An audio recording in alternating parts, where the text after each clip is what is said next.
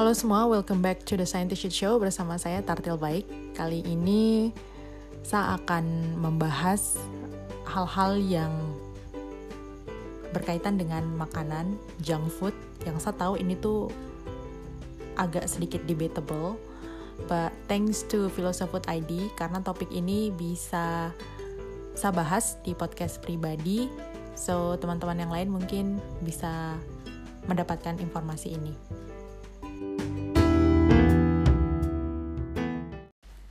Anyway, mungkin kalau ada kalian yang bertanya-tanya kenapa saya rilis podcast lama sekali, uh, saya memang menjadwalkan untuk rilis podcast itu setidaknya dua minggu sekali karena mungkin uh, jadwal sekarang sapu jadwal sekarang sudah agak padat etc andalan.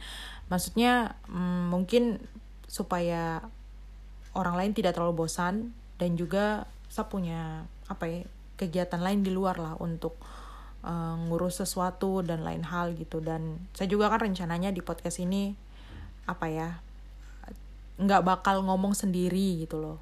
Walaupun ada sesi-sesi tertentu yang satu akan tetap ngomong sendiri seperti itu seperti uh, season sebelumnya.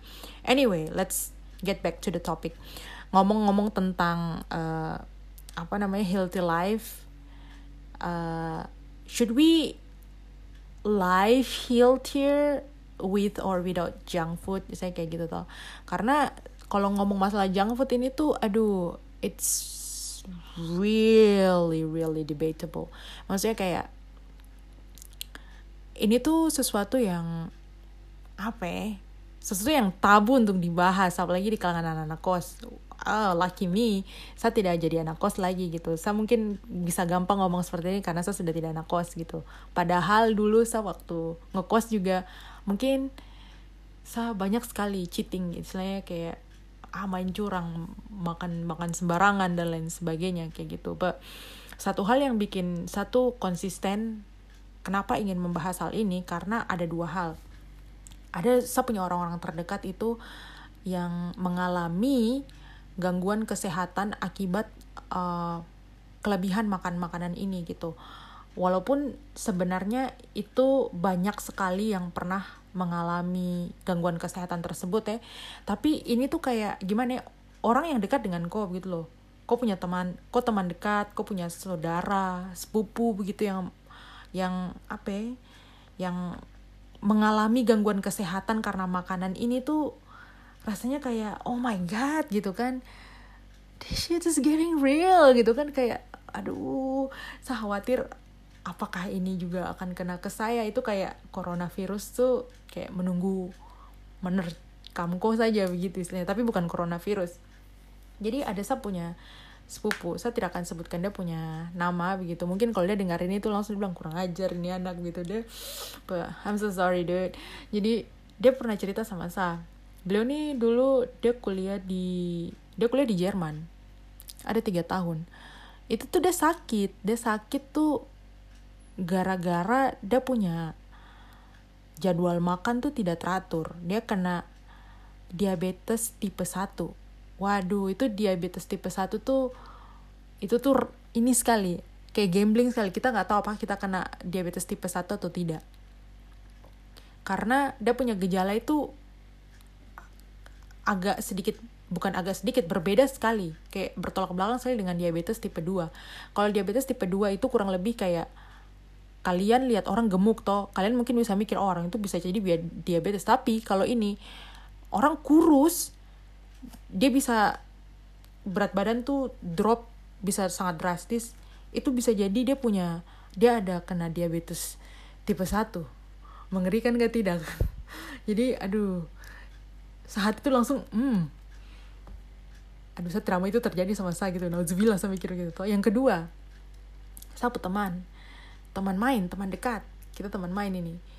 Dulu pas waktu SMA kemarin sempat cerita-cerita dia tanya-tanya saya tentang makanan. Anak itu imajinasinya tinggi sekali. Dia sempat tanya sama saya apakah ada makanan racun? Anak itu suka berimajinasi yang benar-benar komikal, terus adventures dan lain sebagainya. Dia tanya saya apakah ada makanan yang bisa membuat kita keracunan sampai mengeluarkan darah dari mulut? Apa uh, yang seperti itulah dia naik gitu Dan saya punya jawaban ya casual aja. Saya tidak pernah menemukan belum pernah membaca ada yang seperti itu. At least bisa buat kau mual-mual atau diare kah. Pokoknya gangguan pencernaan sampai kau mati itu mungkin ada kayak gitu. Tapi untuk sampai mengeluarkan darah sampai kau dari mulut kecil dapat pukul begitu. Well ya yeah, that, that's that's possible gitu ya. Setelah makan makanan beracun habis itu dapat pukul habis itu muntah darah gitu tuh dan akhirnya kita membicarakan masalah dia punya kesehatan. Oh dulu ternyata banyak hal yang kita tidak bicarakan pas waktu kita masih muda. Kayak gitu tuh dia tuh sempat kena hepatitis and that's really freak me out kamu bayangkan itu oh no. Saya mikir langsung tidak tidak tidak ini tidak boleh terjadi. Saya mikir kayak gitu tuh dan akhirnya alasannya karena kalau yang pertama kena diabetes itu karena dia punya makanan itu kita tidak usah uh, khawatirkan Jerman. Masalah higienitas tuh checklist lah ya. Dia kena penyakit gula seperti itu karena dia mengkonsumsi um, makanan yang mengandung gula sangat tinggi sekali waktu itu. Terus saya punya teman yang yang dulu kuliah di Jogja ini karena makanannya nggak higienis. Dia malah larinya ke uh, akhirnya larinya ke junk food. Karena well junk food itu udah punya sistem higienitas lumayan tinggi. Jadi untuk masalah dia higienis atau enggak well dia lebih preferable daripada makanan di warung-warung kaki lima. Anyway let's uh, get into the topic again ya. So, sorry saya punya intro ini agak terlalu lama sekali jadi sebenarnya apa sih itu uh, junk food gitu? Tuh saya dikasih materi ini tuh sebenarnya saya mikir junk food tuh beda dengan fast food. Junk food itu tuh makanan sampah namanya juga junk begitu tuh sedangkan fast food itu makanan yang cepat saji. Kalau misalnya kita mau pesan sesuatu dan itu dipanaskan saja sudah sudah sudah jadi makanan itu. Dan istilah ini tuh sudah digunakan lama sekali. Jadi tahun 1972 itu ada orang dari saya terlalu Pace Punama ini pokoknya dia dari dia tuh direktur Center of Science gitu loh. Dia tuh menggunakan beliau nih sekurang aja pakai dia. Beliau nih menggunakan istilah fast food ini untuk menunjukkan bahwa makanan tersebut itu lack of nutrition kayak gitu. Kurang dari kurang nutrisinya kayak gitu. Jadi uh, kalau misalnya di apa ya dirunut dia punya istilah itu junk food atau fast food itu makanan yang banyak mengandung gula, garam, lemak, sugar, fat, and salt gitu ya. Dan di setiap eh, negara itu penyebutannya beda-beda. Kenapa mereka dikatakan eh, makanan yang lack of nutrition? Karena oh, kurang mikronutrien, kurang fiber, kurang vitamin, kurang protein. Kalau misalnya dulu tuh saya kurang ajar sekali. Kalau misalnya saya masih tetap defend fast food tuh dulu begini. Kalau saya dikasih burger toh kurang ajar ya. Ditanya begini karbohidrat dari mana? Dari roti. Dia punya protein dari mana? Dari dia punya beef. Wih Tuhan nih saya memang paling kurang ajar. Dia punya vitamin dan dia punya ini dari mana? Orang tanya tuh itu ya ada dia punya apa namanya lettuce nih. Apa dia punya salada air nih. Padahal cuma sepanggal biji dengan dia punya pickles dia punya acar yang setelah tahu kalau di Indonesia acar tuh model macam acar-acar timun biasa. That's wrong. Jangan percaya kayak begitu. Itu tuh ini saja uh, apa mencari pembelaan yang kayak begitu. Tidak baik. Kalau di UK dia disebut sebagai HFSS high fat sugar and salt. Kayak gitu. Jadi kayak ya sebutlah itu pizza, fries, burger gitu ya, cold drinks, chips, MSG, saya kasih tahu. Semua semua semua produk pro, pro, uh, processed food. Itu tuh itu fast food itu. Itu fast food. Jadi alasannya kenapa fast food itu sangat sangat populer sangat sangat digandrungi kayak gitu. Kamu bisa mention tahu sekali apa yang kalian pikirkan pertama kali. Itu tuh saving time jelas. Saving time sekali. Kamu tuh aduh bingung masak apa. Sudah pergi ke ini saja. Oh tong pergi ke warung ayam sebelah. Tidak enak tong ke sebelahnya lagi. Kayak begitu tuh terus kalau memang tidak bisa tidak mau bergerak mager-mager begitu. Sudah gojek saja. Kayak gitu. Yang berikutnya adalah rasa dari rasa nih saya kasih tau satu hal saja. Mungkin saya bukan satu-satunya orang yang mengetahui rahasia ini tapi kalau misalnya kalian satu-satunya orang mendengarkan podcast ini hear me out. Saya kasih tau baik-baik. Jadi perusahaan besar perusahaan makanan seperti fried chicken pizza semua makanan produk makanan chips apa itu cold drink sekolah mereka itu melakukan research organoleptik gitu ya kepuasan pelanggan itu tidak tanggung-tanggung. Mungkin kalau kalian pernah dapat teorinya pas waktu kuliah, khususnya anak-anak pemasaran gitu tuh anak-anak yang uh, belajar tentang makanan karena mereka mempelajari bagaimana makanan mereka tuh acceptable gitu tuh itu tuh mereka mengeluarkan uang yang sangat banyak bisa sampai miliaran rupiah hanya untuk tes barang itu tes makanan itu supaya dia tuh diterima oleh halayak banyak gitu loh.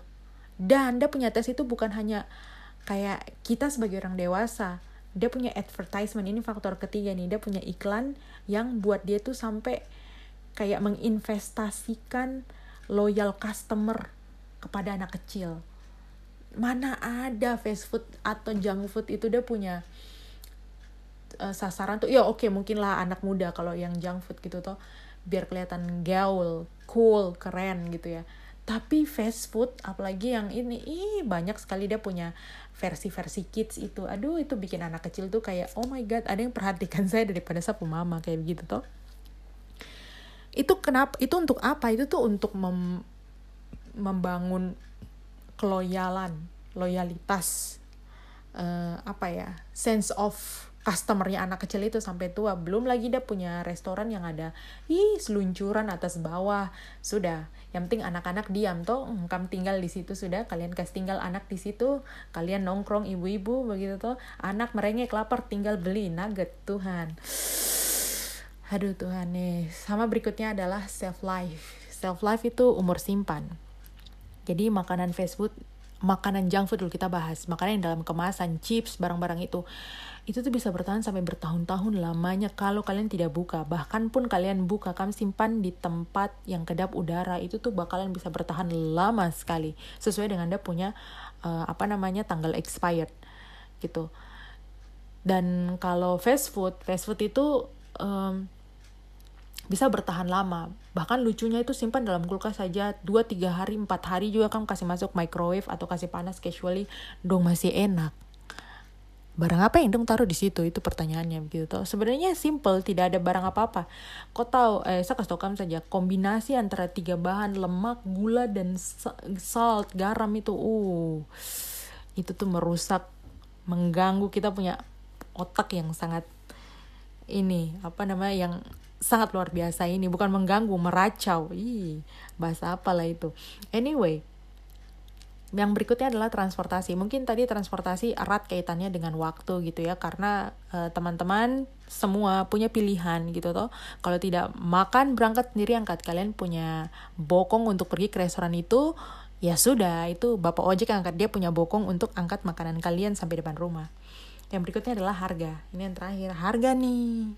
Jangan tanya satu paket lebih murah beli paket bersama teman-teman daripada paket sendiri itu tuh Uh, mantap sekali. Kalau sudah beli paket, oh tong tambah saja. Kita tambah saja. Kenapa? Harganya lebih murah. Hmm, sudah.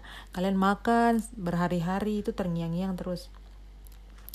Nah, jadi sebenarnya apakah junk food itu baik atau buruk? Dari saya punya ilustrasi sebelumnya itu sudah jelas.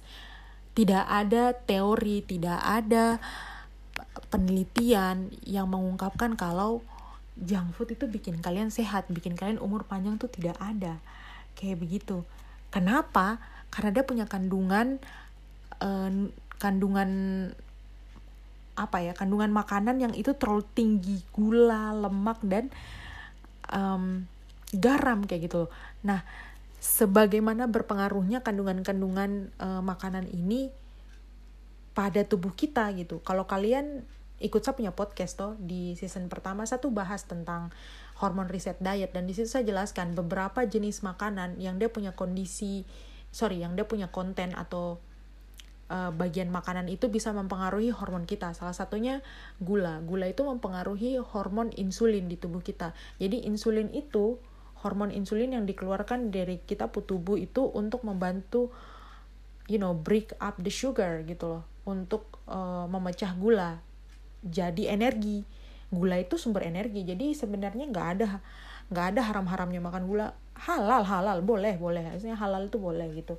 Tapi jangan berlebihan karena ketika kita berlebihan mengkonsumsi gula gitu toh itu tuh kayak kita buat insulin kita tuh kebingungan. Ini kok banyak sekali. Kebingungannya antara dua nih kita punya insulin. Dia memproduksi banyak tapi yang membelah gula ini sedikit sisanya leyeh-leyeh atau memang yang diproduksi sedikit sekali kayak gitu loh. Akhirnya dia kewalahan untuk uh, membreak up gula tersebut gitu. Jatuhnya kita mengalami diabetes kayak gitu. Kan nggak menyenangkan tuh kalau misalnya kena diabetes cuma gara-gara makan gula kebanyakan. Nah apakah bisa di stop begitu aja? Wait a minute dude oke okay? jadi begini Munaro saya kasih tahu. Um, masalah stop makanan seperti ini nih agak sedikit susah saya akui. Karena satu saya lebih prefer makanan manis ketimbang asin. Itu kayak ada sesuatu yang atraktif gitu loh dari makanan manis itu gitu. Dan sampai sekarang saya akui bahwa uh, bisa mengurangi tapi saya punya kecintaan dengan makanan manis itu uh, masih ada seperti itu loh. Kalau disuruh pilih makanan mana makanan manis kayak gitu nah kenapa sampai makanan manis ini tuh bisa membuat kita sangat adiktif? Jadi kalau berdasarkan studi makanan manis ini itu tuh me me me memberikan respon kepada otak kita bahwa itu sesuatu yang menyenangkan gitu loh. Dia efeknya sama dengan eh, sumber-sumber uh, lain yang membuat uh, apa ya bagian di otak kita tuh merasa bahagia gitu loh. Mengefek mengaktifkan dopamin kayak gitu. Kalau misalnya orang-orang tua khawatir ngasih makan anaknya atau nyekokin anaknya gula kebanyakan takutnya sugar rush sebenarnya orang dewasa juga mengalami sugar rush gitu loh. Mungkin efeknya tidak se tidak separah orang yang make obat gitu ya. Tapi dia punya apa ya dia punya apa sih istilahnya kalau um, bukan efek langsung gitu loh. Jadi uh, ketika diuji respon otak de, antara dua gula sama heroin itu sama kayak gitu. Mungkin heroin lebih cepat tapi gula enggak. Tapi gara-gara si gula ini kita akhirnya ya udah mengkonsumsi terus gitu.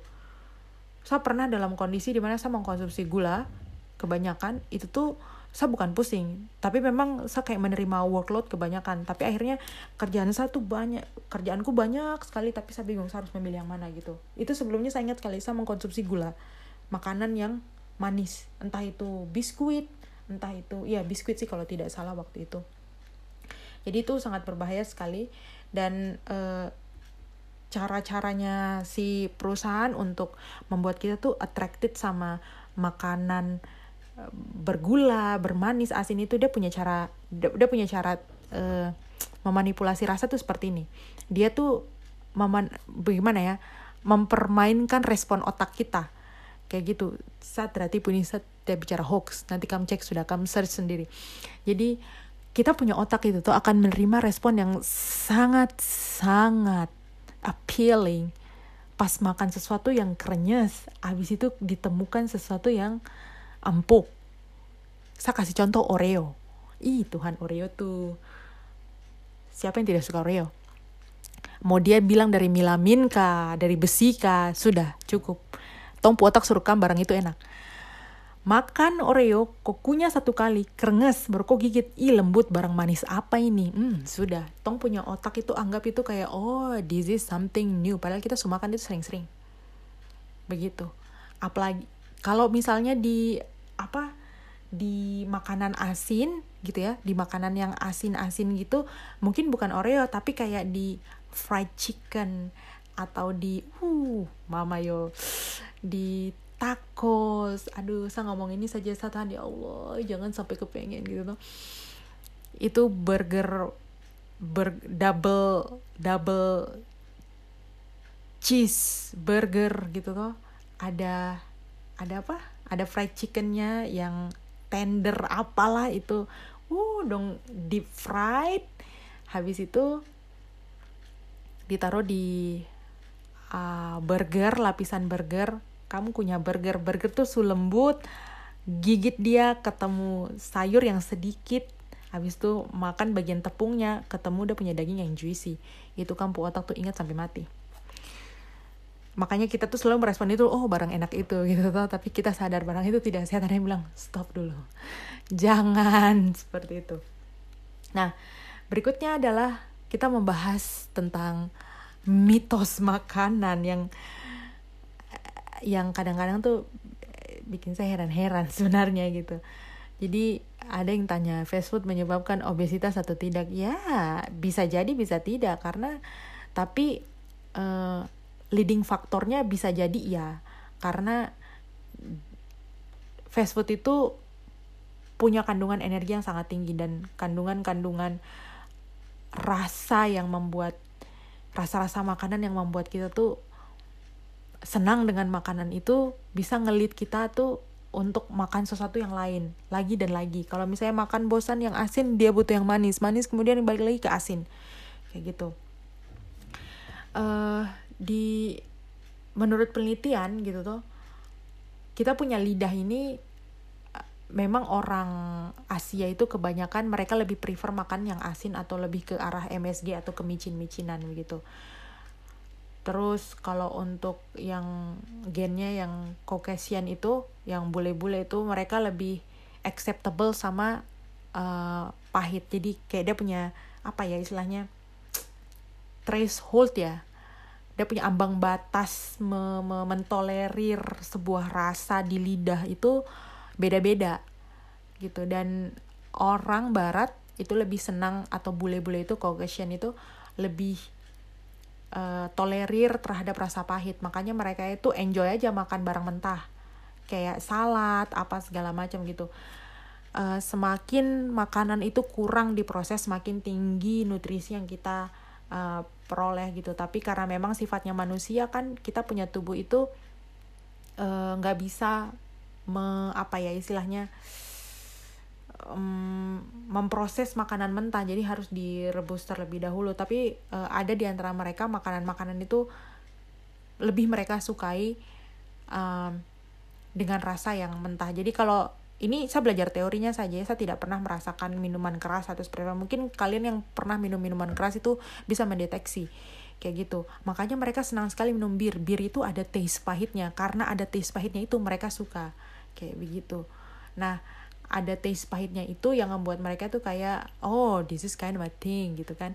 Dan lidah itu sebenarnya bisa ditrain gitu loh. Kalau teman-teman mau teman-teman kalau kalian mau uh, mengubah apa pola makan kalian jadi kayak dari asin ke manis gitu tuh atau ke pahit gitu. Kalian bisa melatih lidah kalian untuk makan makanan itu terus menerus karena apa? Semakin kalian uh, apa maka contohnya ya semakin sering kalian makan makanan manis uh, apa tolerability terhadap makanan manis itu semakin tinggi. Contohnya biasanya minum teh pakai uh, sorry buat saya yang biasanya minum teh tawar sekalinya tambah uh, teh satu sendok saja itu udah manis sekali. Tapi buat orang yang biasanya uh, apa namanya bikin teh panas satu liter tehnya tiga sendok gitu. Dikurangi dua sendok saja itu dia merasa kayak pahit eh tidak ada rasa. Nah itu seperti itu kita bisa mentrain lidah kita seperti itu. Orang kebanyakan contohnya saya punya mama. Saya mama tuh suka sekali. Saya ternyata dia ada dia ada obsesi apa dengan makanan pahit. Dia suka sekali dengan makanan pahit. Dia makan apa sayur pare nih sayur pare dia anggap terapahit itu karena dia terlalu sering makan barang pahit ke apa. Nah itu salah satu contohnya gitu. Itu untuk mentrain lidah Nah, yang berikutnya adalah apakah junk food itu bikin kita bodok? Mohon maaf, ngomong kasar sekali. Tidak, junk food itu tidak bikin kita bodok. Junk food itu junk food itu banyak energi. Energi itu yang bikin kita berpikir. Yang bikin kita bodok itu adalah ketika kita makan junk food yang banyak micin, itu berkali-kali sampai kau duduk kau terduduk kau termenung bingung mau bikin apa itu nah itu kau terlihat bodoh di situ kan jadi nggak bisa mikir akhirnya apa tidur. Itu istilahnya. Kalau misalnya lapar emosi kenyang bodok. Jadi kalau makan secukupnya saja. Jangan sampai bodok itu. Ya. Terus um, apakah junk food memenuhi kebutuhan kalori kita per hari? Junk food. Junk food itu tidak memenuhi kita punya kebutuhan kalori per hari. Tidak ada. Itu tuh dia kalori itu sedikit. Apalagi yang chips chips itu. Yang perlu diperhatikan sebenarnya tuh uh, kalau junk food tuh ini sih minuman-minuman bersoda itu. Dia punya dia punya gula tuh tinggi sekali. Walaupun dia bilang dia jualan kayak zero sugar kayak gitu. Itu tuh dia pakai apa alternatif lain sebagai pengganti gula gitu. Ada yang namanya apa sih saya lupa. Pokoknya salah satunya kalau yang acceptable di Australia tuh namanya stevia. Dia pakai gula stevia. Stevia tuh manis tumbuhan itu dia taruh sedikit aja udah manis gitu ya. Atau bahkan nggak ada rasa manisnya cuma hanya penambahan stevia itu untuk menambah energi aja tapi taste manisnya nggak ada. Dan itu acceptable di negara seperti Australia. Dia punya manis tuh kayak 500 kali lebih manis daripada gula biasa gitu loh. Nah uh, tadi tuh sudah jelaskan tuh tentang apa namanya oh iyo dia punya efek apa saja. Kalau lemak itu kalau kebanyakan makan lemak kita bisa hipertensi terus garam eh sorry kolesterol terus habis itu kalau yang kebanyakan makan garam itu hipertensi jadi aduh lebih kurang-kurang sudah. Saya tidak akan bahas masa dia punya detail uh, efek kesehatan seperti apa tapi uh, oh iya ada lagi mungkin yang tanya apakah gorengan itu baik atau tidak? Saya bilang gorengan itu sebenarnya tuh sebenarnya tidak baik. Dia sama kayak fried chicken yang digoreng di minyak yang banyak kayak begitu. Itu tuh uh, apa meningkatkan apa istilahnya ya reaksi oksidasi. Oksidasi tuh kayak begini. Kalau kalian bingung apa sih oksidasi? Apa sih antioksidan? Taunya cuma antioksidan bisa men, apa menangkal radikal bebas barang apa itu. Jadi sederhananya begini teman-teman. Kalau kalian misalnya kupas apel toh terus apel tuh tiba-tiba jadi coklat gara-gara kalian kupas sebentar. Nah itu namanya reaksi oksidasi. Kalau kalian misalnya terkena luka sedikit toh di goresan luka itu kalau terkena oksigen itu warnanya langsung hitam. Itu reaksi oksidasi. Reaksi oksidasi itu itu tuh kayak bisa itu reaksi kerusakan kayak begitu loh. Reaksi kerusakan yang apa ya yang itu tidak preferable untuk di di di kalau di makanan tidak untuk tidak dikonsumsi. Bagi makanya kita eh baik makanya food producer si produser-produser makanan itu uh, apa ya istilahnya menghandle problem itu tuh dengan cara penyimpanan yang benar ditutup di, di ruangan yang tertutup gitu toh yang kedap udara supaya tidak ada kontak oksigen caranya untuk e, menanggulangi radikal bebas atau oksidasi itu dengan penambahan jeruk nipis atau asam. Makanya warnanya kembali seperti semula. Nah di tubuh kita itu untuk menanggulangi kebanyakan makan makanan yang banyak mengandung radikal bebas seperti gorengan karena kena panas dan minyak direndam uh kena lemak sudah kolesterol panas makan renyah begitu tuh otomatis tubuh kita pasti warnanya lain kayak gitu. Nah ini saya saya pernah saya pernah ini sendiri maksudnya praktik untuk gimana ya melihat reaksi antioksidan itu sendiri terhadap larutan yang warnanya gelap yang istilahnya itu itu sudah jadi oksidan gitu loh sudah jadi radikal bebas.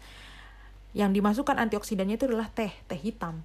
Sesederhana itu dan teh hitam itu langsung menetralisir warnanya. Dong jadi putih langsung bening kayak gitu. Tapi bukan berarti ini adalah privilege buat teman-teman oh sudah kalau begitu makan gorengan saya nanti minum teh gitu.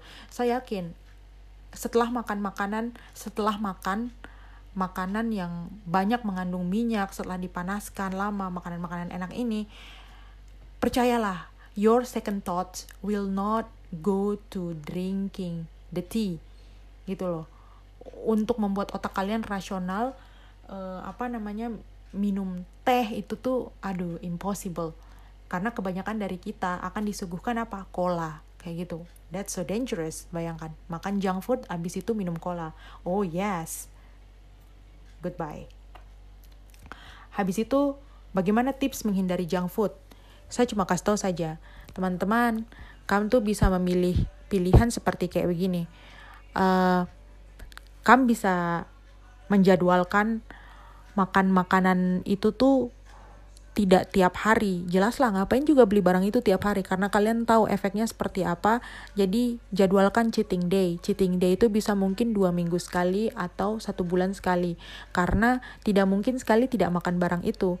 Kalian tuh bersosialisasi. Ada yang kerja, ada yang punya teman kampus, atau mungkin ada beberapa teman-teman yang nyaman untuk mengerjakan tugas tuh di area-area atau restoran seperti itu. So, tidak apa-apa dijadwalkan aja sekali dua minggu eh, sekali dua minggu sekali sebulan kayak gitu. Hanya untuk ya hangout sama teman-teman lah gitu sebagai cheating day. Karena ada ada juga riset yang menunjukkan bahwa the more you resist your feeling to eat that kind of food gitu toh semakin tinggi kalian menginginkan makanan tersebut. Jadi untuk uh, apa namanya untuk me, me, me, me mengontrol pikiran-pikiran bahwa teman-teman oh itu ada day off untuk makan makanan seperti itu oke okay, saya akan menundanya 2-3 bulan. Tapi ternyata drop di bulan ketiga hmm, makan terus mungkin satu minggu. Tujuh kali seperti itu and that's really bad. Terus yang kedua adalah kalian mungkin bisa perhatikan dia punya label begitu tuh label semuanya hampir semua proses food itu kalau misalnya dikonsumsi lama kelamaan itu tidak baik. Karena ada ada punya uh, ya seperti trans trans fat, lemak trans kayak gitu tuh itu tuh sebaiknya dihindari.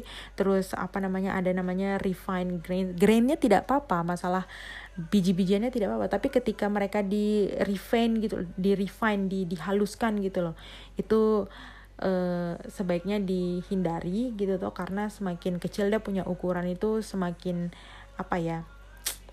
Uh, semakin memperbesar potensi setiap apa sih molekul biji-bijian itu tuh tersambung gitu tuh kalau kalau di uh, luar negeri tuh mereka ini sekali loh apa namanya aware sekali masalah uh, grain itu. Karena di sana orang-orang itu sebenarnya nggak cuma mereka aja sih uh, beberapa masyarakat hampir masyarakat dunia itu mereka punya apa ya defisiensi atau uh, keterbatasan dalam mencerna protein pada tepung kayak gitu. Atau mereka um, gluten intoleran istilahnya kayak gitu. Jadi makanan yang ada label gluten free itu that's a must.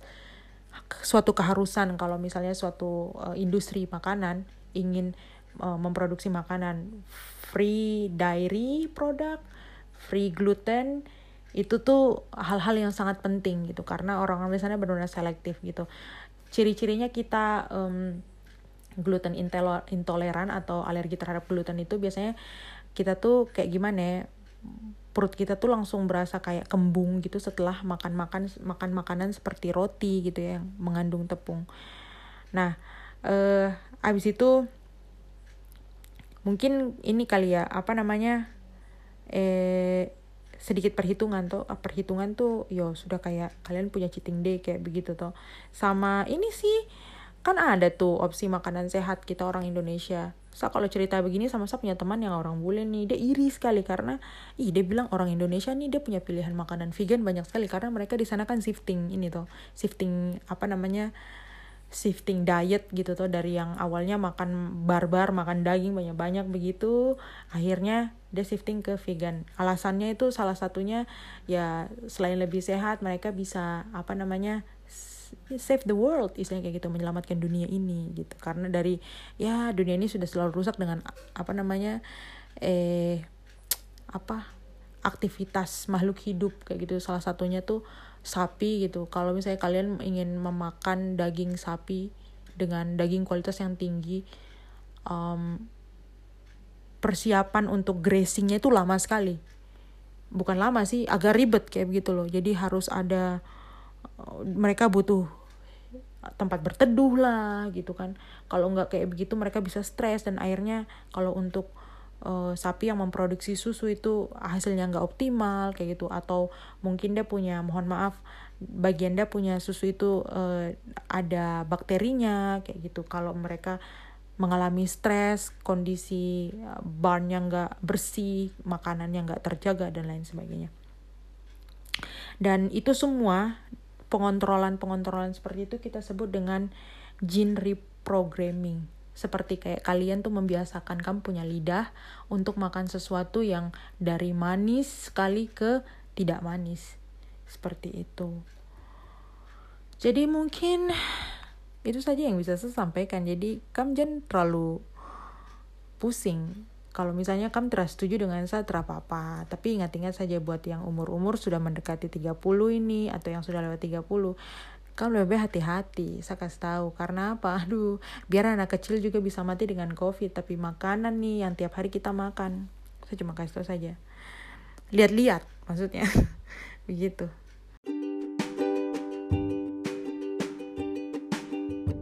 Oke, mungkin itu saja yang bisa saya sampaikan di podcast kali ini.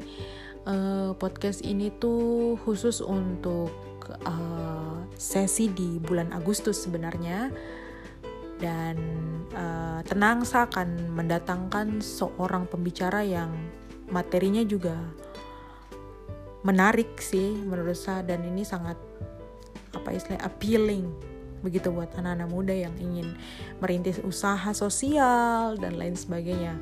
They're really good.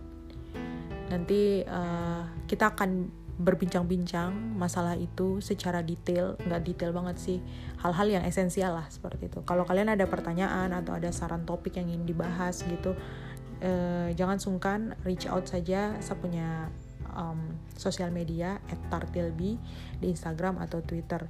Thank you so much for listening this podcast. That means a lot to me and please please please if you think this content is really interesting and worth to be shared tolong di share dan uh, ingat jangan lupa jaga kesehatan stay away from covid. Kalau bisa stay negative from covid gitu ya. Ingatkan setiap orang di kalian punya sekitar untuk tetap jaga kebersihan karena aduh Tuhan selain lain sekali memang covid ini udah punya jumlah penyebaran sangat tinggi. Alright see you in the next session